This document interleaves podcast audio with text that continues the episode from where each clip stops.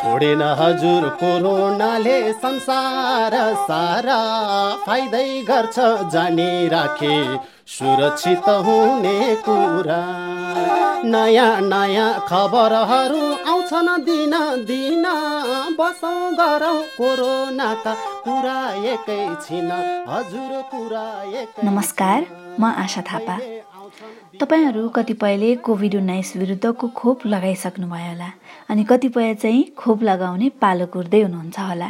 उमेरले अस्सी काटिसक्नुभएका काठमाडौँ महाराजगञ्जका ओम सिंहले पनि खोप लगाइसक्नुभयो। उहाँको खोप अनुभव कस्तो रहे त?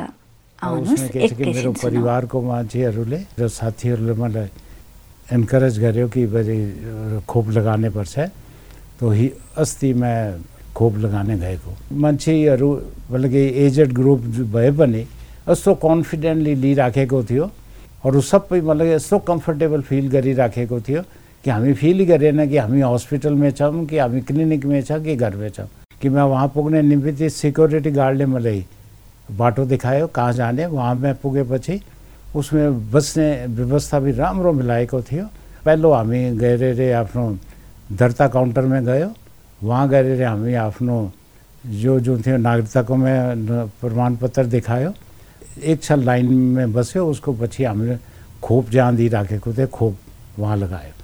वहाँ हामीले आधा घन्टा जति वेट गर्ने लगायो टु अब्जर्भ कि कोही रियाक्सन छ कि छैन उसको पछि फेरि हामीलाई बाहिर पठाइदियो घर परिवार र साथीभाइको सल्लाह लिएर खोप केन्द्र जानुभएका ओम सिंह भन्नुहुन्छ हामी आफू मात्र होइन आफ्नो समुदायलाई बचाउन पनि खोप लगाउनु जरुरी छ। आफ्नो परिवार और आफ्नो निमित्त मात्र हामीले खोप लिने लागेको होइन।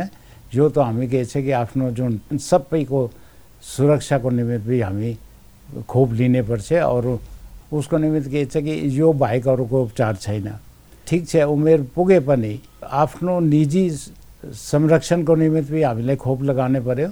और हामी स्वस्थ भएपछि अरूलाई भी हामी रोगिता फैल्ने नदिने अब हाम्रो त के कि सबले मिलेर प्रिकसन लिएर कोभिड नाइन्टिन जुन छ यसले जुन छ हामीले त मुलुकबाटै दबाउनै उसको निमित्त हामी सहयोग गर्ने पर्छ और उसको निमित्त के छ हामीले सबले खोप लिने पर्छ वृद्धहरूलाई किन कन्फिडेन्स हुनेपर्छ घरको जुन परिवारको सदस्यहरूले उनीहरूले अलिकति सहयोग गरेर सङ्घ लगेर खोप सेन्टरमा लगेर खोप दिलाउने वही राम्रो होला मात्र परिवारकै होइन मेरो के छ कि इभन टोलको जुन हामी सदस्यहरू छन् उनीहरूको भी यो जो जो रोग छ यसलाई फैल्नेलाई रोक्नेलाई हामीले सबले सहयोग गर्नुपर्छ देशको मतलब कि हामी नागरिकहरू छ और हामीले स्वास्थ्य मन्त्रालयसँग सहयोग गरी जे जे हमें हामीले इन्स्ट्रक्सन हुन्छ प्रिकसनरी मेजर लिने हो लिने पर्यो ताकि जो रोग जुन छ हामी फैल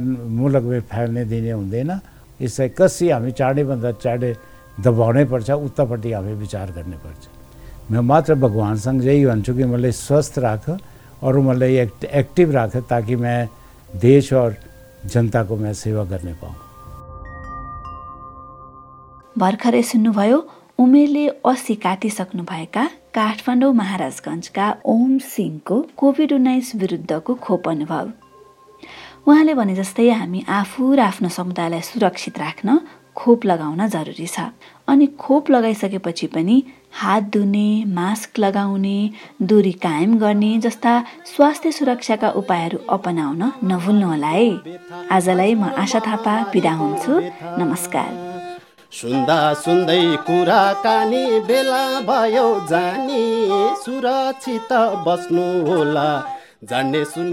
सार्वजनिक हितका लागि नेपाल सरकार स्वास्थ्य तथा जनसङ्ख्या मन्त्रालय र विश्व स्वास्थ्य सङ्गठन नेपाल।